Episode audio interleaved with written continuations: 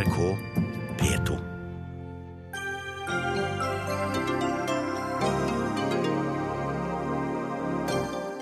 Et varslet mord, slik omtaler eksperter avsløringen av det omfattende dopingbruket i friidretten. Dette får meg til å miste interessen for å følge VM, sier Dagbladets sportskommentator. Har naboen lov til å bruke fjernstyrt kamera og filme meg mens jeg drikker kaffe på min egen veranda? Hvor går egentlig grensene for privatlivets fred med dagens droneteknologi? Politiets midlertidige bevæpning skaper debatt. Nå må vi finne alternative ordninger, mener en utålmodig opposisjon.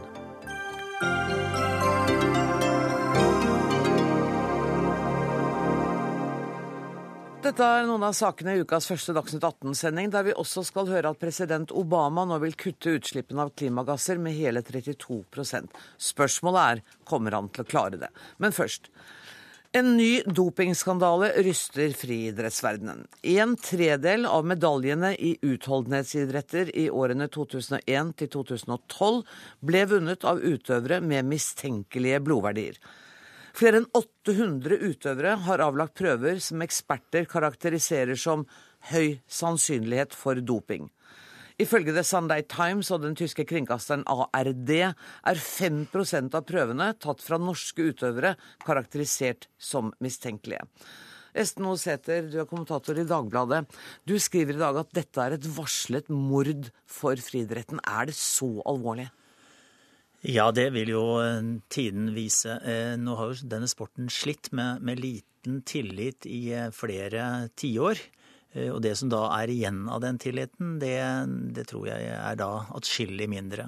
Det skal være et VM om en par uker, og det blir ikke sånn spesielt morsomt å, å dra dit. Og skal du være... dit? Nei, jeg skal ikke dit. Jeg, så jeg må jo jobbe, jeg må jo se på dette her og, og i og for seg kommentere det. Men når vi ikke vet hvem er det som uh, jukser, hvem er det som svindler, hvem er det som er rene, så er det noe som ligger der hele tiden. Og over tid så er det ødeleggende for en sport. Det er jo det samme som har skjedd med, med syklingen de siste 30 årene. Det har til dels skjedd også med friidretten, men vi har ikke helt tatt det inn over oss. Det er altså i dag 289 eh, friidrettsutøvere som er utestengt pga. doping, altså av, i stjerneklassen. Eh, det er et veldig veldig høyt tall. Det er noen land som, eh, som peker seg ut her. Eh, så én ting er liksom hva det egentlig er av dopingsaker i det, i det, som er mistenkelig. Noe annet er det som reelt sett har skjedd. Mm. Og det at vi vet at uh, Russland fikk 22 medaljer i friidrett i, i, London, ikke sant, siste OL. Seks av disse medaljevinnerne er allerede blitt plukket opp og tatt. Mm. Så dette her er ganske råttent. Og så er det jo det er klart, det er utøverne som gjør dette her. Men, men de er jo ikke i lite, et lite vakuum, de heller. De må jo på en måte ha blitt en aksept for dette fra ledere, fra ja, det, støtteapparat, fra administrasjonen? Ja, det er helt utvilsomt. Altså, det er nå bare det er under et år siden at friidretten selv nominerte to tidligere dopere til ærespris for 214-sesongen. Og da skjønner man ikke helt hva man driver med. Skal vi drive og ære svindel, så er vi på helt ville veier. Vi er nødt til, altså Uansett hvilke strafferammer vi har, så er vi nødt til å fortelle omgivelsene at dette her er ikke akseptabelt. Og vi må vise det i handling. Dette har jo paralleller inn til, til vår lille andedam og, og vårt oppgjør med, med, det som var i, det som har vært doping i norsk friidrett. ikke sant? Det er ikke mer enn tre år siden at vi ikke selv klarte å å stå opp og være tydelige og si at vi vil ikke ha med slike utøvere mm. som har dopet seg. Nesten snarere tvert imot. Vi gjorde ikke det, vi gjorde nesten det motsatte. Ja, vi gjorde det motsatt. Eh, eh, men du, um, hør en ting. Altså, disse nye testene de er altså lekkasjebasert. Så vi må jo da tro at både ARD og Times har kilder på dette. Det betyr igjen at noen har prøvd å legge et lokk på det. Ja, men det kan jo også være noen reelle grunner for det. Altså, det vil sikkert eh, Antidoping Norge fortelle litt mer om. Men dette er jo tross alt bare eh, noen prøver, og det mm. ligger ikke ferdige konklusjoner. Det er ikke et stort antall utøvere som er tatt for doping, og så prøver man å skjule det. Vi må, vi må, skille mellom mistenkelige verdier og reell doping. Men det er et stort antall mistenkelige verdier. Så stort at det vil være helt galt ja, å tro at ikke noe av det er doping, ikke sant? Ja, og en sport som vil ha en grundig debatt om det. De tar fram også slike ting for å vise at her, vi, her har vi et stort område som vi trenger å snakke åpent om. Mm. Og det har ikke blitt gjort i dette tilfellet. Ronny Nielsen, du er sportssjef i Friidrettsforbundet. Hvordan reagerer du på disse nye tallene? Nei, vi er på lik linje med Estland vi er virkelig bekymret for uh, disse opplysningene nå som har kommet fram uh, i denne lekkasjen. Altså, vi setter virkelig troverdigheten til friheten på spill. Så sier også Sæter at tilliten er borte. da, Men jeg skal faktisk være såpass enig og si at vi trenger ikke sånne saker som dette her. Nei. Snarere imot, vil jeg tro. Ja. Men, men, men, du, du, er, du, er, overrasket, og du, og du syns det er trist. Men alle andre jeg har sett uttalelser om dette, sier at vi er ikke overrasket. Dette har vi ventet på. Altså, Jeg er ikke overrasket over at det kommer dopingsaker. Når Vestland Sæther henviser til at eh, det er over 250 personer som er utestengt for doping, så er det ikke overraskende at det kommer dopingsaker.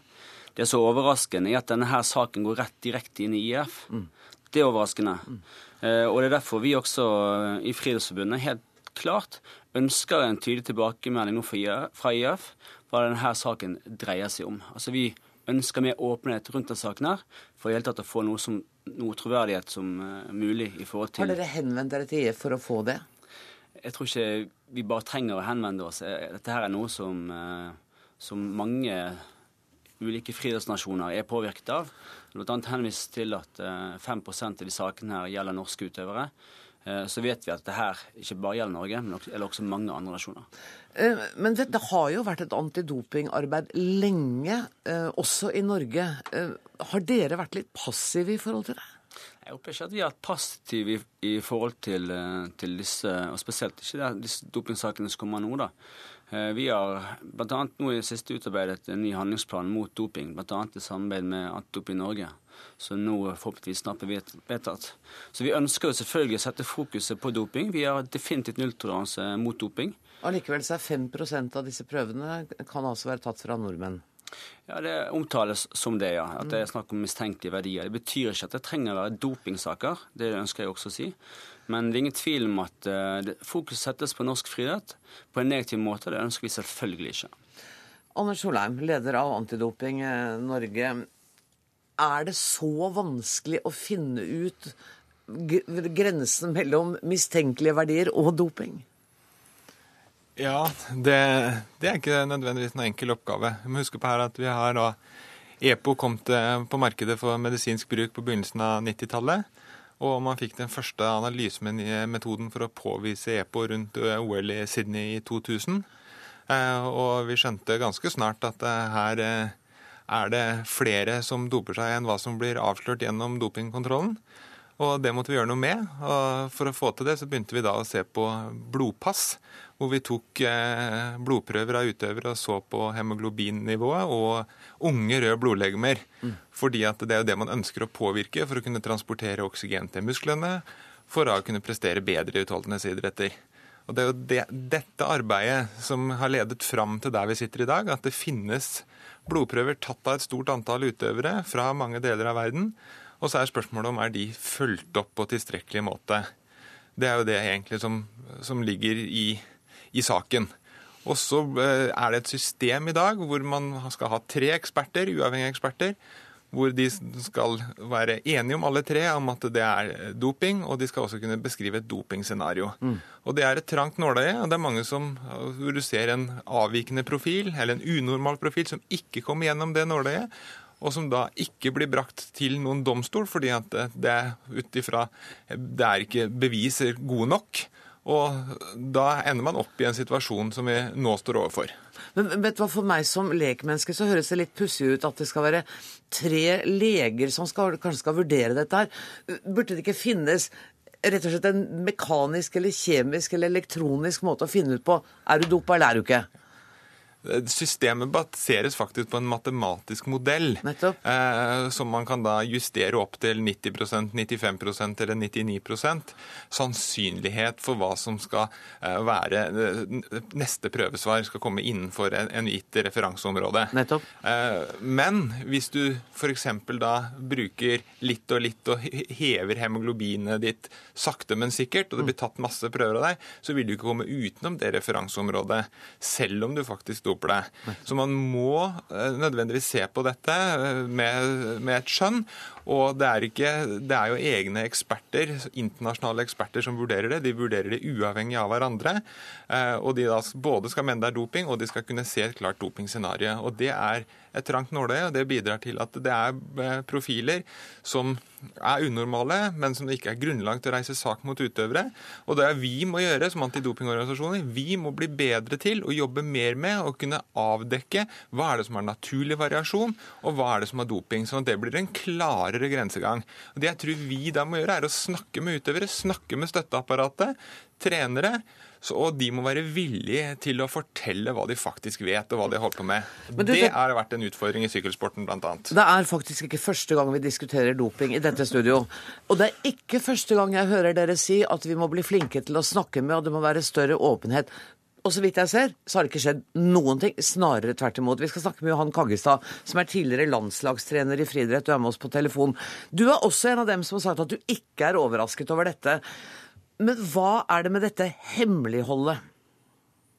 Ja, Jeg er ikke overrasket. Eh, for det er de samme legene som opererer ofte i og nå snakker jeg internasjonalt, i utholdenhetsrettene. Eh, man var jo på ferd med å radere ut langrenn nå, hvor et helt finsk landslag, østerriksk landslag, Johan Mühlegg osv. ble tatt i systematisk eh, doping. Og de samme legene dukker opp på de samme arenaene. Så jeg er ikke, ikke veldig, veldig overrasket. Det som, eh, det som jeg syns er, er, eh, merkelig, det er at eh, det ikke er mulig å få til et uniformt antidopingsystem som gjelder for de forskjellige internasjonale særforbundene og gjelder for de forskjellige nasjonene. Og Det var en dopingkonferanse i Spania for ikke så lenge siden, noen få år siden, hvor det, hvor det kom frem at det var svært få, en altfor stor andel av de nasjonene som deltar i olympiske leker, som hadde et godt nok eh, utenfor konkurranse antidopingsystem. Så mitt forslag da var jo å la de nasjonene som har et godt nok utenfor konkurranse antidopingsystem, delta i OL, og så får de andre ikke delta. Og Det Solheim sier er jo helt riktig, men det er jo en del nasjoner du aldri får snakka med. Og det er jo et problem. Eh, trener Det er en helt annen kultur i forhold til doping i mange andre nasjoner. Der er det uflaks når du blir tatt. I Norge er det en skam når du blir tatt. Mm. Det er også en ganske stor forskjell. Men først og fremst så mangler vi et overstatlig system som kan brukes, og det koster masse penger. Uh, Antidoping Norge har altfor lite penger. Og dette uh, universelle antidopingsystemet kommer til å koste mye penger. Jeg ser at sykkelsporten sliter allerede i dag med å finansiere det omfattende arbeidet de har igangsatt for å bevare sitt omdømme. Men tilbake til utgangspunktet. Jeg er ikke overrasket i det hele tatt. Dette mm, kan vi føre tilbake til bloddoping lenge før EPO kom på markedet bloddopede utøvere de blir stort sett én runde bedre på 10 000. og Da er det oppsiktsvekkende at enkelte løpere leverer én eller to ganger i løpet av året. Ellers er de veldig ordinære. Så Det er bare å følge med det på resultatene, så ser du hvem som er dopa eller ikke. Ronny Nilsen, Kunne man tenkt seg det som Kaggestad foreslo, at man hadde felles, helt enhetlige regler for hvordan dette skulle gjøres? Altså Nå har jo man egentlig, egentlig og det var altså egentlige regler? Ja. ja. Altså Vi har jo det per i dag, da, men det som vi virkelig trenger, er uavhengige organ som jobber i alle nasjoner. Eh, som sikrer seg å ha tester utenfor konkurranser, og som får tilgang til utøverne. Vi vet jo det at på noen grenser så kommer ikke testerne inn i nasjonene for å teste, pga. at de blir stanset. Men da, da, må jeg bare avsløre min uvitenhet. Skulle ikke WADA nettopp være inne og spille en rolle i det? Det kan kanskje Ja, ok. Er jeg helt på jordet nå?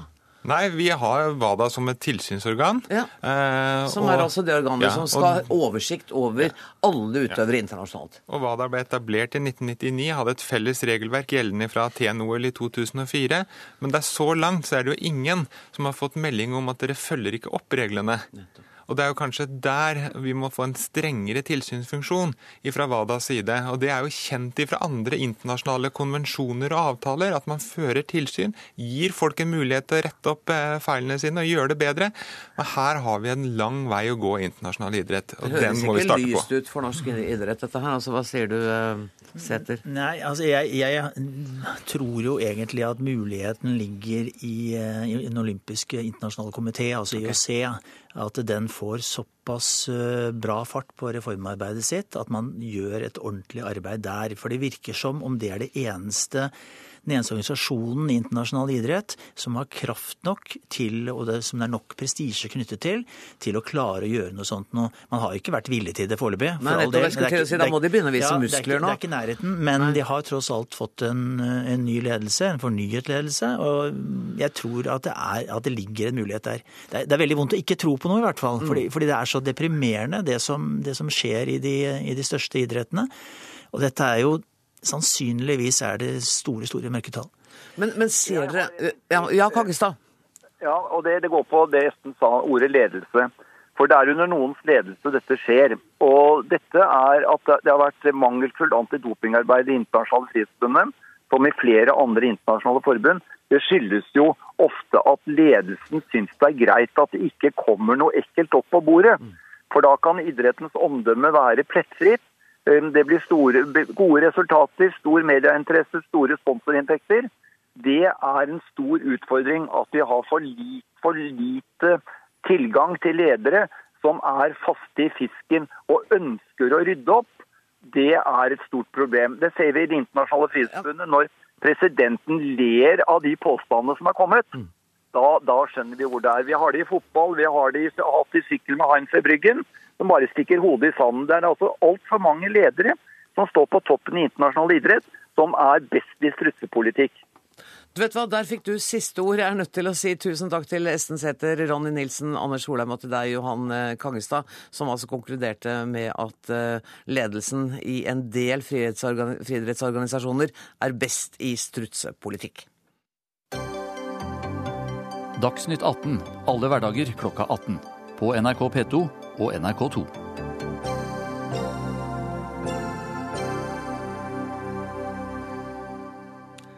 Jeg skal be deg være med på et lite tankeeksperiment. Tenk deg at du sitter intetanende på din egen terrasse og drikker morgenkaffen din. Plutselig oppdager du et fjernstyrt kamera som flyr rett over hodet og mot deg. Akkurat dette opplevde Torbjørn Jaglands ektefelle Hanne Grotjord. Hun skrev om opplevelsen på Facebook, og reaksjonene har ikke latt vente på seg. Hanne Grotjord, fortell oss hva som skjedde. Jeg, har sett et, en slik drone før, men da i offentlig sammenheng. og Det tok en tid før jeg skjønte hva det var. Eh, det som var så skummelt, var at den var kanskje to meter eh, over terrassen min. Og den feide over, og den var der ganske lenge. Og etter hvert så så jeg jo at det sto noen nede på veien og styrte denne dronen og hadde det ganske morsomt på min bekostning. Hva gjorde du da? Veldig... Jeg Først tok jeg bilde av dronen, og så konfronterte jeg de som drev med dette, spurt, og sa at de hadde, de hadde ikke tillatelse til å bruke bilder fra vår privat, vårt private hjem, og, og, at vi følte at dette var veldig ubehagelig. Men de bare lo av oss, fordi de mente at de hadde rett til å ta disse bildene. Eh, du er altså som jeg sa gift med Torbjørn Agland. Dette gjør at dette også har et sikkerhetsaspekt pga. hans posisjon. Har dere meldt hendelsen til politiet? Nei, Jeg ønsker ikke noe konflikt med noen, jeg. Men de, de, det første de sa, var at vi slipper ikke noen bombe på dere. Uh, men jeg sa men jeg liker jo ikke at, dere har, at det er bilder på avveie i denne sammenhengen. Men det, det betydde altså ingenting i denne sammenheng, tydeligvis. Vet du om andre som har opplevd tilsvarende ting? Ja, altså jeg fikk eh, nå vite at denne dronen også hadde vært uh, tett oppå to av døtrene til mine venninner litt lenger inn på heiet her, og de opplevde det som fryktelig ubehagelig. Men du har på en måte ingen vei å gå. De visste jo ikke hvor den kom fra. Men, uh, men det er jo alltid et problem, for man ønsker jo ikke å krangle. Man ønsker ikke å krangle, men samtidig så ville jeg hatt et sterkt behov for at mitt privatliv var mitt eget, og det regner jeg med du òg har? Ja, jeg følte dette som en direkte inngripen i mitt private liv. Jeg har ikke noe imot å stille opp for uh, fotografer og folk som, som, som, har kontroll på hva man bruker bildene til. I dette tilfellet så ble det jo sagt at disse kanskje kom i VG. Jeg vet ikke hvorfor de skulle sende bilder til VG fra oss, men hele situasjonen var veldig ubehagelig. Og jeg har hatt to ganske vonde dager etterpå. Du, Vær med oss, for jeg har besøk i studio av Bjørn Erik Thon, som er direktør i Datatilsynet. Er dette lov, Thon? Eh, sannsynligvis ikke, og i hvert fall ikke hvis de skal publisere det. Eh, nå er jo dette med droner noe ganske nytt.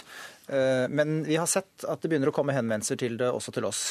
Eh, det er ikke så veldig mange henvendelser, men vi har vel fått sånn ca. ti henvendelser det siste året. Enten fra folk som ønsker å bruke droner og gjøre det riktig, eller folk som har opplevd det samme som eh, vi hører om her, nemlig at de har blitt filma uten at de ønsker det. Og regelverket er nok ikke fullt ut tilpassa droner i dag. Det er nok en litt mindre stasjonær verden, kan du si, regelverket er laget for. Eh, så det er de mer generelle reglene, at man ikke skal krenke privatlivets fred, eh, at man skal be om samtykke eller tillatelse før man filmer noen.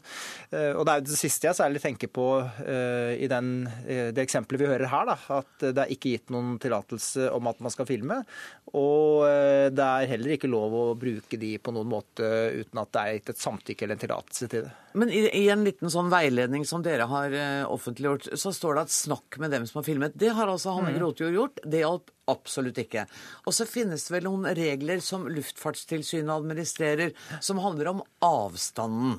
Ja, det er, det er, De jobber også, etter hva jeg har forstått, med nye regler om dette nå. Eh, og Jeg tror nok at regelverket er moden for å bli gått gjennom. og Jeg tror ikke man skal lage noen egen lov som heter lov om droner. Men kanskje man skal se på personopplysningsloven, på straffeloven, på luftfartsregelverket, på sikkerhetslovgivningen osv. For å se om det er tilpassa den utviklingen vi ser nå.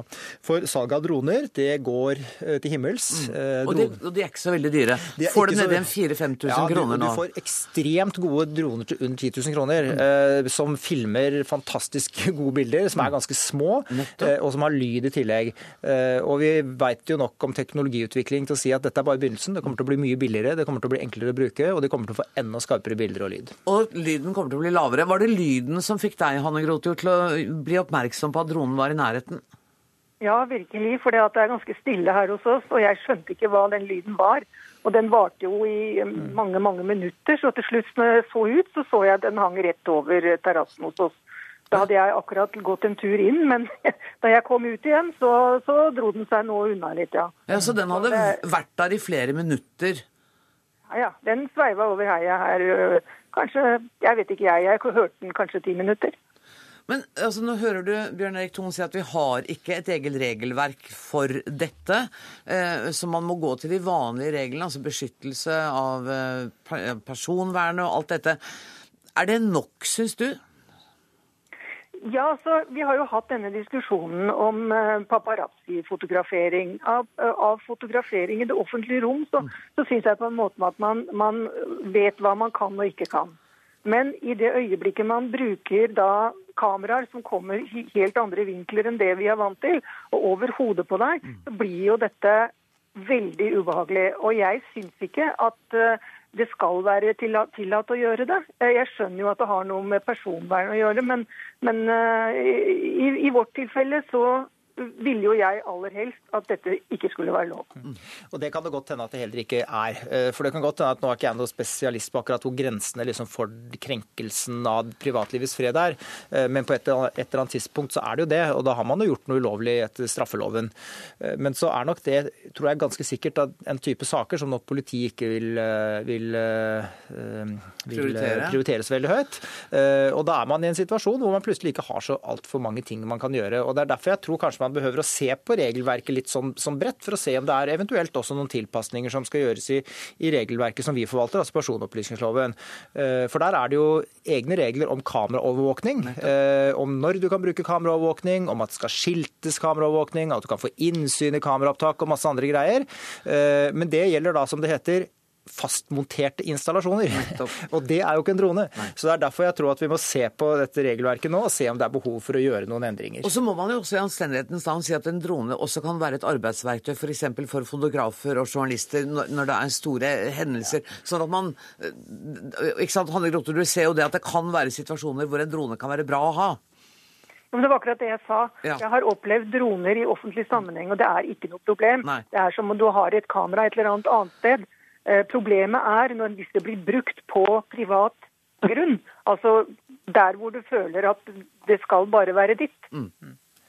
Vet du hva, Hanne Grotor, jeg får bare håpe at de som filmet deg, hørte Dagsnytt 18 i dag. Så må jeg si tusen takk til deg, og takk til Bjørn Erikton fra Datatilsynet.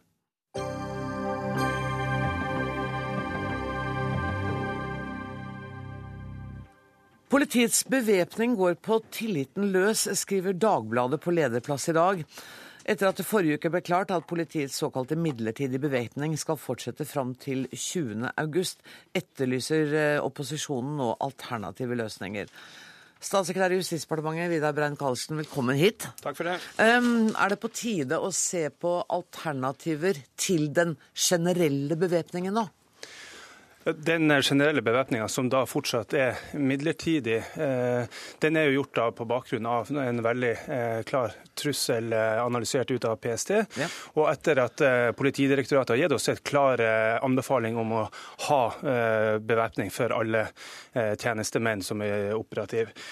Så vi ser etter alternativer hele tida.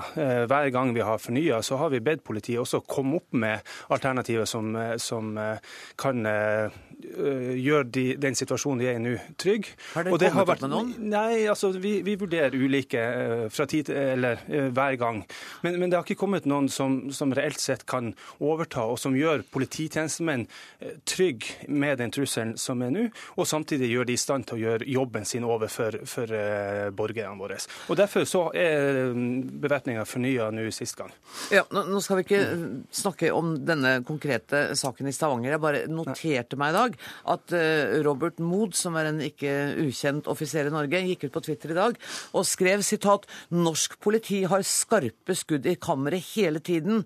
Eh, han håper at våpentreningen står i forhold til denne voldsomme beredskapen, kaller han det. Han mener altså at dette er på det nivået som soldater bruker når de er ute i felt. Ja, jeg har ikke lest hva Robert Mood har sagt, og når det kommer til de operative vurderingene knytta til eh, hvordan våpenet, om det skal være ladd med kulekamera eller ikke, så, så er det en vurdering Politidirektoratet gjør, og som de er Og de enn hadde Og de hadde dessverre meg. eh, ikke anledning til å komme til Dagsnytt 18 i dag. Eh, Leder i SV, Audun Lysbakken. eh, Føler Stortinget seg overkjørt av denne midlertidigheten? I hvert fall i veldig liten grad tatt med på råd, og det syns jeg eh, er leit. For det er et spørsmål av stor, eh, veldig stor samfunnsmessig betydning. Eh, Mange føler uro rundt dette. Og det som er ubehagelig nå, er at det har fått et preg av rutine. At disse forlengelsene av den midlertidige bevæpningen bare innvilges av regjeringen. Og da må en jo på et eller annet tidspunkt spørre seg hvor midlertidig dette er. Det får et mer og mer varig preg. Og særlig når det regjeringen beskriver er en ganske diffus og tror jeg dessverre varig trussel. Trusselen fra islamistisk terror den må vi regne med er der en god stund. Og da må regjeringen snart komme og forklare hvordan de har tenkt å unngå at den midlertidige bevæpningen i praksis blir en varig bevæpning. Men, men et av lyspunktene i dette, så vidt vi korriger meg hvis jeg tar feil, men jeg mener å ha sett at det er fart, eh, det er blitt løsnet færre skudd etter at man fikk denne bevæpningen, enn det var tidligere. Så det er jo på en måte noe som virker betryggende. Absolutt, og jeg tror det viser at vi har eh, et dyktig politikorps i Norge som vi kan eh, stole på. Eh, Og det tror jeg det ikke er noen uenighet mellom oss om. Men, men jeg tror det likevel er viktig at vi minner oss sjøl på hvorfor det er et bredt flertall både i det norske samfunnet og på Stortinget som ikke ønsker en permanent bevæpning. Det ene handler om det her med tilliten mellom folk og politi. Eh, Det er lettere å snakke på like fot med ubevæpnede mennesker når du er ubevæpnet sjøl. Sånn er det nå bare en gang. Det andre er at vi ser i andre land der du over tid har hatt bevæpning av politiet, at også de kriminelle ruster seg mer, og skytefrekvensen går opp. Og det er klart at Når bevæpningen varer så lenge som nå, så må vi jo spørre oss sjøl om ikke vi risikerer å få etter hvert en del av de negative konsekvensene som har vært avgjørende for at vi ikke har permanent bevæpning i, i Norge.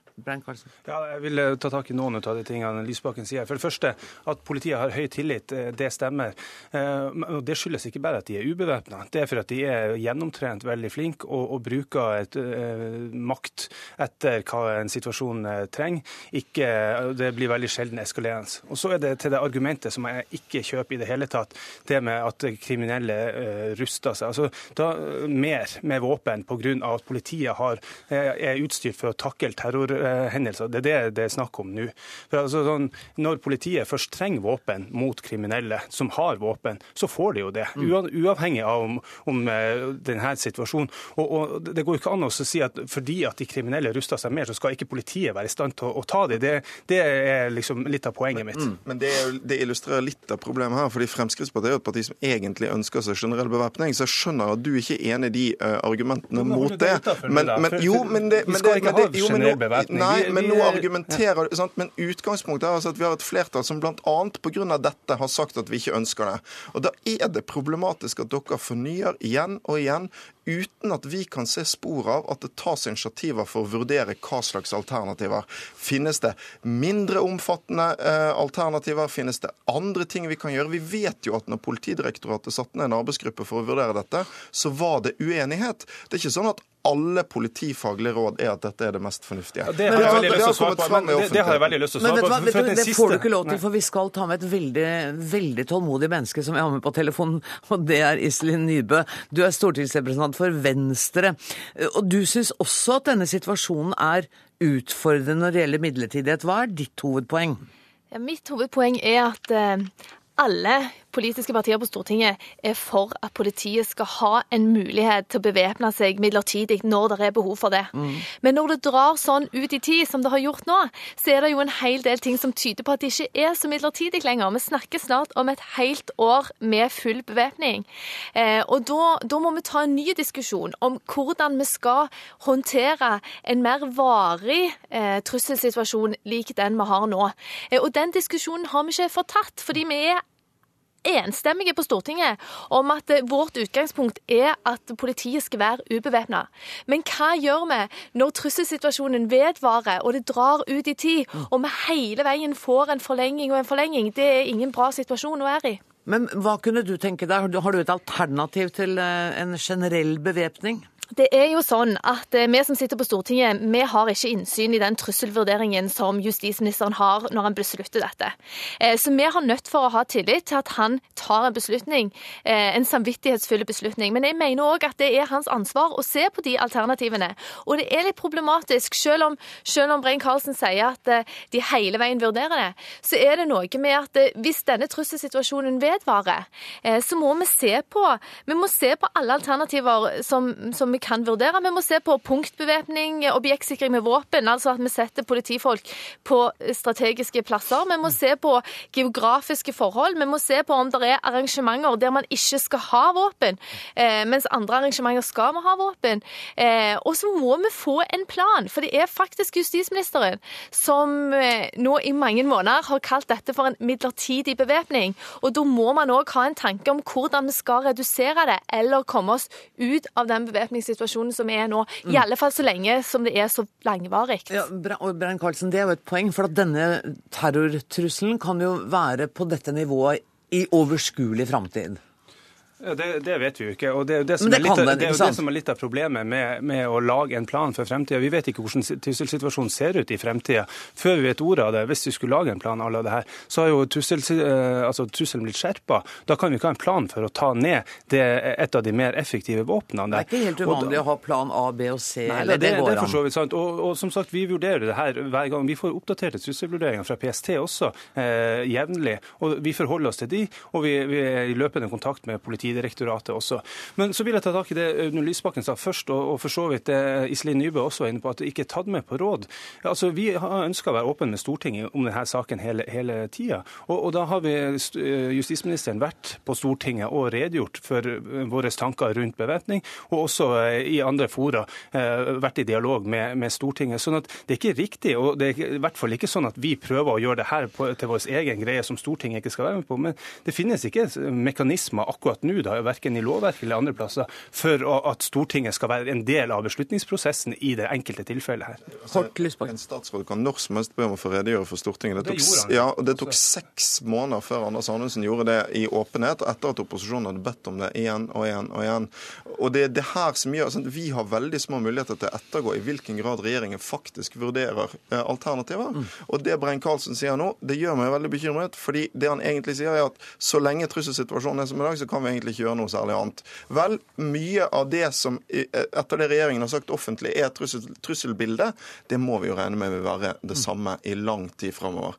Og da må vi få en mye åpnere debatt om alternativer, og det er mangelen på det som gjør at SV til nå som det eneste partiet har sagt at vi ikke lenger kan eh, stille oss bak disse beslutningene. Men det det ganske, du skal være ganske modig Audun Lysbakken, for å si med det trusselbildet vi har nå, med de faglige rådene vi har, og si det bryr vi oss ikke om.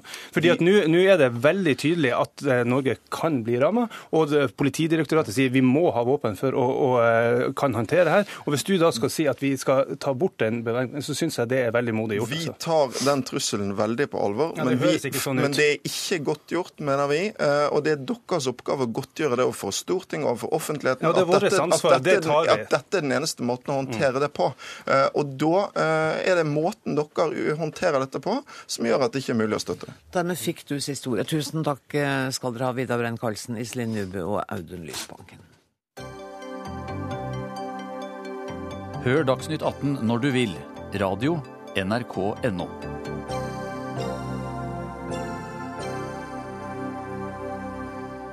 Ja, det blir noen eh, skarpe temposkifter og temaskifter i Dagsnytt 18 i dag. For nå skal det dreie seg om en 55 år gammel, kvikk og oppegående journalist som en dag begynner å merke at hun stadig glemmer ting. Det er nemlig bakteppet for eh, teaterforestillingen 'Jeg heter Bente', med premiere 28.8 på Det Norske Teatret. Og Hildegunn Riise, det er du som spiller Bente, som altså får en eh, Alzheimer-diagnose. Mm. Det er det. Hvordan er det? du mener å arbeide med dette? Ja. ja. Du, det er jo altså et stort og omfattende og heftig tema. Og eh, Men det er et veldig fint stykke. Veldig presist skrevet. Det er, er, det tysk? Det er dansk. Det er dansk. Skrevet av en dansk skuespillerinne. Så eh, stoffet i seg sjøl gjør veldig masse. Det er delt opp i fragment, veldig fragmentarisk. Vi møter ei kvinne da fra hun eh, så å si får diagnosen til hun til slutt dør. Og sett gjennom eh, eh, henne sjøl og hennes tre venninner som for så vidt blir hennes og er hennes familie, ettersom hun da ikke har verken barn eller foreldre, familie for øvrig. Så det er dype, sterke vennskapsbånd som da er knyttet, og som har mange lag i seg, og mange livshistorier disse kvinnene har. Det er varmt, det er tragisk, det er trist, det er vanskelig. Det er lattermildt og er det? Er det litt latter? Er det rom for ja, litt latter? Ja, det er jo det. Jeg tror at eh, når liksom eh, noen filter feller på en måte, så tror jeg at det er mye latter mildt i noen og hver av oss. Og, og her feller jo filter og brutalt etter hvert. Og det framkaller jo kanskje både tårer og raseri og uh, ukjente krefter. Anne Karen Hytten, du er regissør. Har, du, har det slått deg at noen av oss tenker nei, jeg orker ikke, jeg orker ikke å se et teaterstykke som handler om Alzheimer? Ja, det har slått meg. Mm. Men eh, det er som Hildegunn sier, at det er skrevet eh, Det er skrevet veldig både sårt og veldig morsomt. Og veldig gjenkjennbart. Og til syvende og sist så blir det et stykke som handler vel så mye om vennskap og levd liv. Ja, for Alzheimer er jo en sykdom som på alle mulige måter rammer de som står nærmest, nesten like hardt som den som mm. får sykdommen, er det ja, ikke det? Jo. Jeg tror den blir kalt de pårørendes sykdom, ja, har jeg hørt. Ja, uh, og i dette tilfellet så blir det et stykke som også vel så mye handler om de tre venninnene. Mm. Og deres levde liv. Ja. Og så er det et stykke for eh, fire godt voksne kvinner, og det er jo bare å rope hei hurra for. Det er ikke for mange av de stykkene i, Nei, norsk teaterverden. Um, men Elvin, hvordan har du jobba med dette? Hvordan, hvordan, gjør man Research er et ord vi bruker, jeg vet ikke om dere bruker det, men hvordan nærmer man seg en sånn rolle?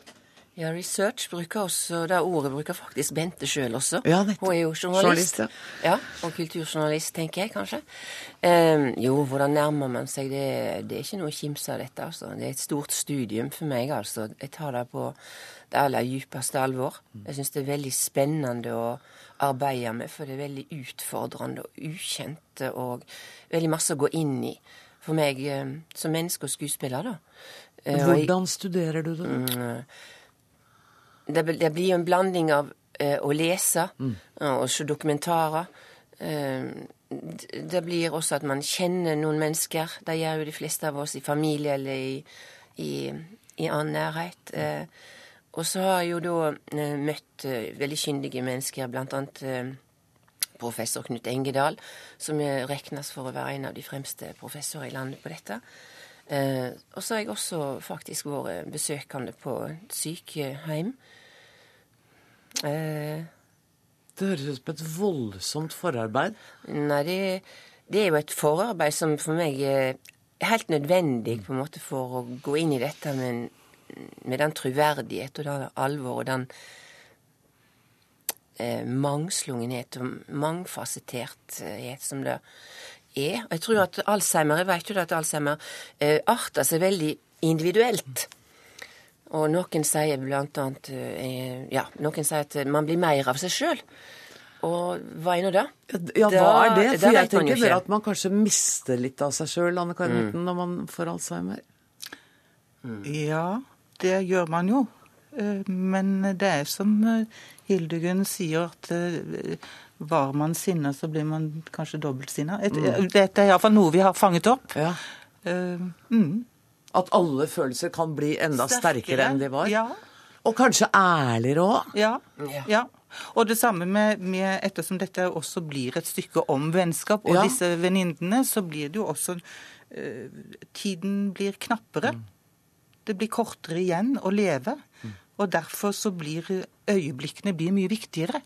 Kan du se, hvordan tar disse venninnene det å ha en 55-åring som nær venn, og som bare forsvinner litt fra dem? De eh, tar det vel som de fleste av oss ville tatt det. Altså det er med både fortvilelse og med uh, stor trofasthet. Mm. Eh, Og innimellom blir de vel kanskje også passelig Fed up. Ja. Forbanna? Ja. Lei? Ja, ja, ja. Lei gjentagelsene? Det er mye å ta seg av. Det er jo det. Um, dette stykket omhandler egentlig også jeg vet ikke temaer som Jeg vet ikke om vi skal komme inn på det nå, men det er også noen store, kanskje um, relevante temaer som handler om hvordan man skal gå ut av dette livet og gjøre. Som er også ganske Som er veldig interessant, og som er aktuelt når man blir så sjuk som eh, man kan bli med denne diagnosen. Det rørende, syns jeg, eh, hvis man kan kalle det det, da, eh, eller noe med det fine kan være at når disse filtrene i oss forsvinner på en måte, hvem er vi da? Mm. hvem blir vi da? Hvem var vi? Hva er det som bor bakom alle filtre, og som kanskje er nødvendig for oss når vi lever livene våre? Så må vi ha noe å forsvare oss med. Det er nødvendig. Men hvem blir vi når vi, når vi ikke har disse Det er jo det som skjer. Når forsvarsverkene blir Ja, helt ja. eh, borte. Det er premiere 28. august. Er dere i rute? Ja, vi hadde første dag nå i dag etter ferien. Åssen var det? Jo, eh, det var eh, Jeg tror vi er i rute. Dere tror det? Ja, vi har en veldig, altså Det er veldig spennende å jobbe med. Mm. Og det er veldig viktig å få frem at det er et stykke som absolutt ikke bare er trist og leit og vondt og vanskelig. Det Så du sier nå til meg at jeg burde orke å se det? Ja, så definitivt. Jeg gleder meg, grugleder meg til å se det. Tusen takk for at dere kom til Dagsnytt 18, Hildegunn Riise og Anne Karen Hytten.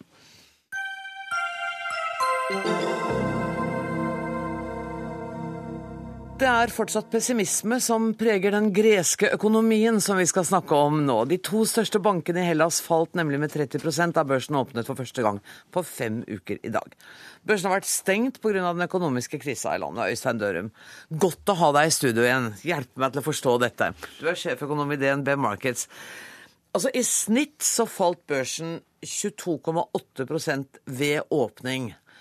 Her hjemme lager vi innslag på det når børsen faller med bitte lite grann. Så hvor dramatisk er det da? Nei, det, det, det ser jo veldig veldig dramatisk ut. og ja. Bankene falt uh, 30% og riktignok så hentet man seg inn igjen etterpå, men, men det var et, et, stort fall. Det som eh, kan dempe inntrykk av dette her litt, det er jo at dette var ventet. Mange hadde spådd at etter fem uker med stengning så ville vi få et fall i denne størrelsesorden. Og det andre er jo at den greske børsen er bitte, bitte liten. Den har allerede falt mye de siste syv årene. De greske bankene er verdt, eller har falt 99 eh, på de siste syv årene. Sånn at det fallet de hadde i dag, var da fra 99,0 til 99,3 ja, Så dette betyr ikke noe for noen? Nei, altså fallet som sådant har veldig liten betydning. Jeg gjorde på deres oppfordring også noen enkle regnestykker. Hva betyr det for gjennomsnittsnordmannen som har penger i oljefondet? Ja. Og basert på de tallene og oljefondet oppga ved årsslutt, da hadde de fire milliarder plassert i greske aksjer. Disse falt i verdi eh, med snaue 600 millioner kroner i dag. Det er jo mye penger.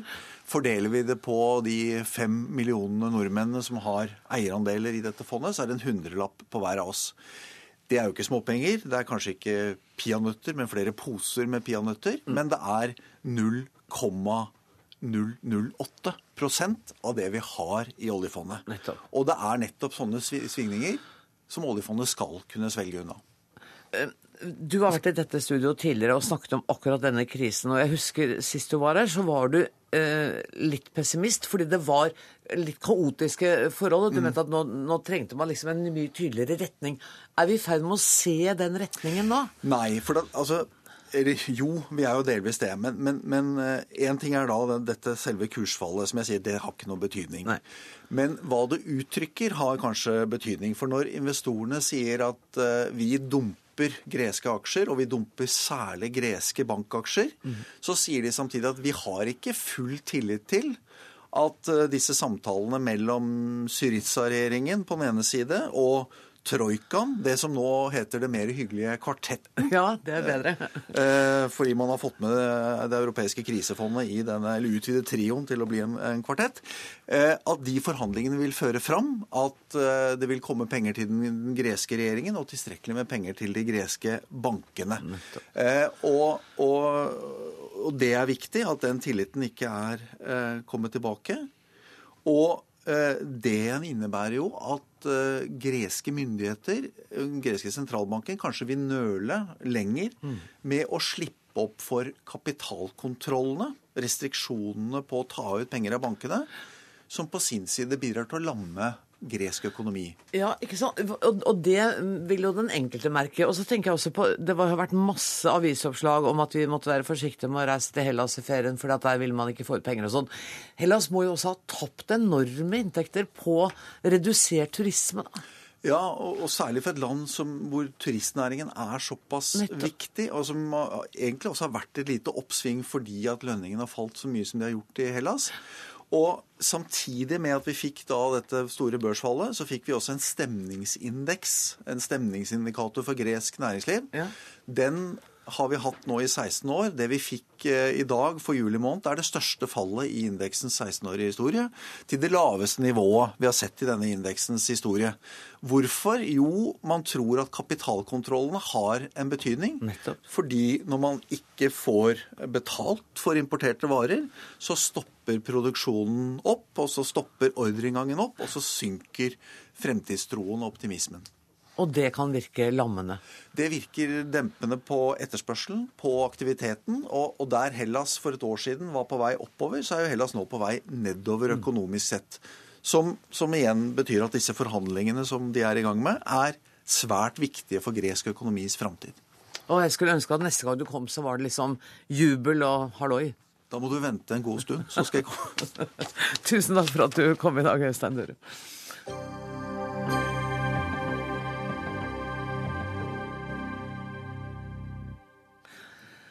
Dette er det største og viktigste steget vi noen gang har tatt i kampen mot klimaendringene, sier USAs president Barack Obama om det som omtales som tidenes kutt og en krig mot kull. Om litt over en time presenterer presidenten planen for en mer klimavennlig kraftproduksjon som skal kutte utslippene av klimagasser med 32% innen 2030. Det blir første gang USA innfører begrensninger på kraftverkutslipp, men han får neppe gjennomført dette uten kamp, gjør han vel det, Gro Holm, vår USA-korrespondent?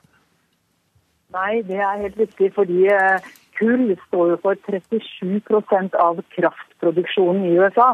Og det er mange delstater som har store interesser av å beholde kullindustrien. Og det er altså slik at delstatene skal presentere sine planer for hvordan de skal klare disse kuttene innen 2018 senest. Og så skal de iverksettes innen 2022. Og delstatene eh, må altså være kreative her.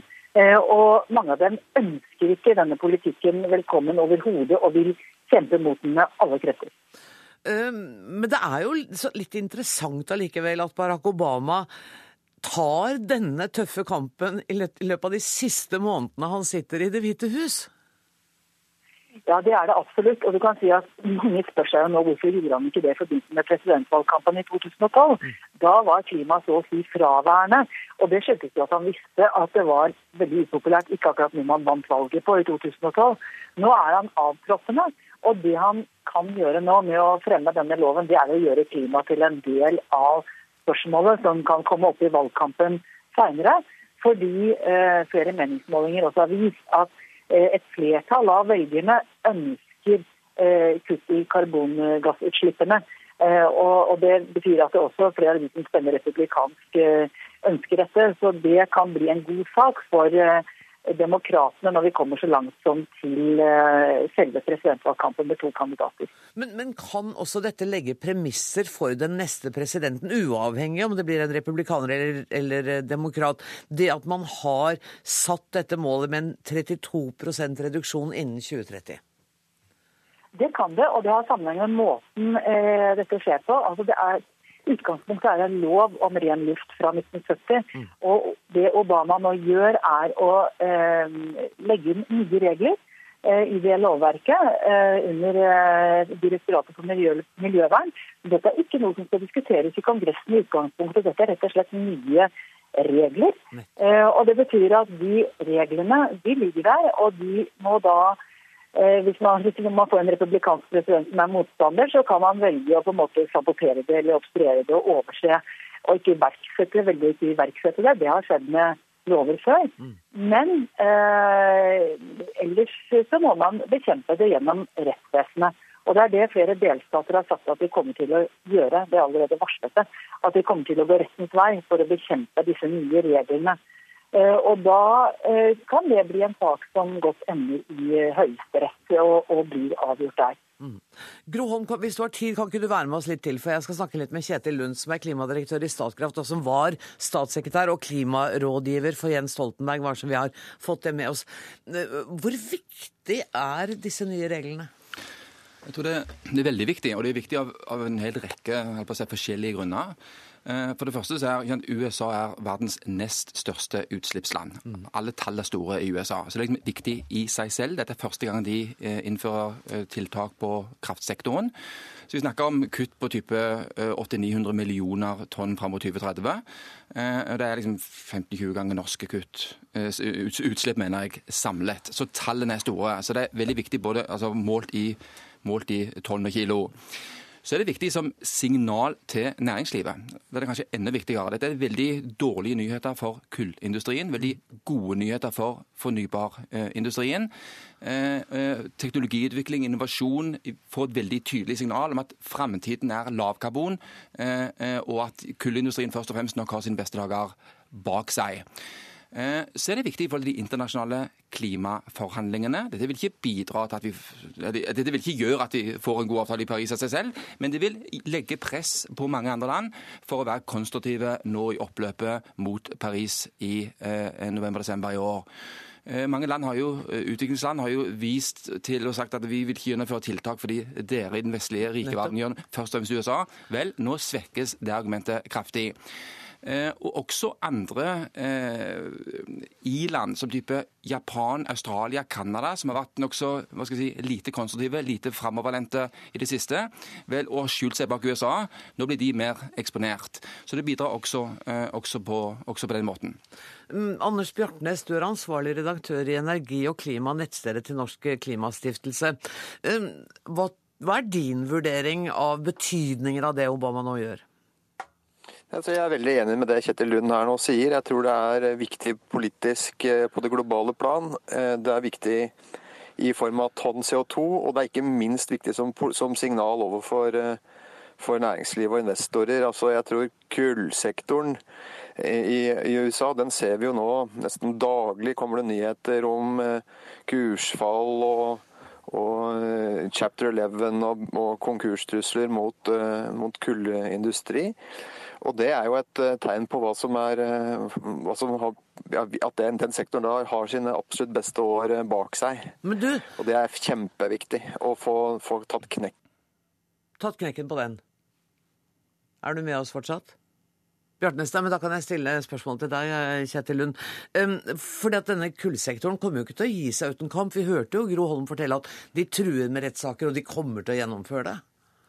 Ja, jeg ser republikanernes eh, leder i, i, i, Senatet, Mitch McConnell, som selv er fra Kentucky, en tung kullstat, har jo direkte oppfordret guvernørene til ikke å følge disse, eh, disse si, nye retningslinjene. Så det kommer til å bli, til å bli, til å bli bråk, mm. for all del. Men skal vi ta en Bjartnes igjen? Bjartnes, jeg mista deg et øyeblikk. Eh, for jeg tenker på, er det, er det mer en symbolhandling enn det er effektiv politikk, det Obama driver med nå? Det er effektiv politikk å sette krav på denne måten. Jeg tror det kommer til å få stor betydning når eh, det skal eh, gjøres eh, vurderinger og beslutninger i en lang rekke stater, og også i, i kraftselskaper som har sine sterkeste posisjoner i bestemte geografiske områder. De må gjøre vurderinger. Skal vi satse på kull videre? Skal vi gå for sol og vind? Og Dette kommer til å få, få stor betydning for hastigheten i omstillingen. Det, det er, tror jeg vi kan være ganske sikre på. Og du tror da åpenbart at disse nye reglene som Obama innfører, da har håp om å bli stående etter at ny president har inntatt Det hvite hus? Jo, Det får vi nå se, men iallfall er det en, et, eh, et, et, ytterligere uttrykk for hvor hen det bærer. Og så er det en masse beslutningstakere som eh, må forholde seg til, til det når de skal gjøre investeringsbeslutninger framover. Enten det gjelder om de skal legge ned kullkraftverk før de hadde tenkt, eller om de skal bygge mer sol og vind. Det er også en artig artig side ved dette, og det er eh, den, det, altså den en allianse mellom en del ytre høyre-krefter altså i USA og fornybar energifeltet. Eh, Tea Party for Solar er en, eh, en liten organisasjon som oppfatter at det er like selvsagt å ha rett til eget solcellepanel som egen hagle. Tea Party-bevegelsen kjenner vi i en litt annen sammenheng. Men du, Gro Holm, jeg må bare spørre deg, nå er det en drøy time til eh, presidenten skal holde talen sin. Er den omfattet med stor interesse? Ja, det er den jo. Altså, blant de som vanligvis følger med på politikk, og det er jo mange amerikanere som ikke gjør det. Men, eh, men de som følger med på politikk, er interessert. Og dette eh, har jo allerede ført til reaksjoner blant i hvert fall tre av presidentkandidatene på republikansk side. Som sier at dette blir både for dyrt for forbrukerne og det vil koste arbeidsplasser. Så, eh, så dette spiller rett inn i, inn i valgkampen. Uh, og eh, for Obama som sagt, han har lite å tape. Han har altså vunnet den saken her. Han, er, han skriver sitt ettermæle. Det de holder han på med nå. Kjetil Lund, hvilke konsekvenser kan en sånn politisk handling få for Norge? Jeg vet ikke om det er en direkte, eh, sånn direkte konsekvens for Norge, men Norge er jo si, uavhengig av regjeringa veldig opptatt av å få til bredt internasjonalt klimasamarbeid, en god avtale i Paris. Og I så måte så vil dette bidra til, tror jeg, til å øke sannsynligheten for det.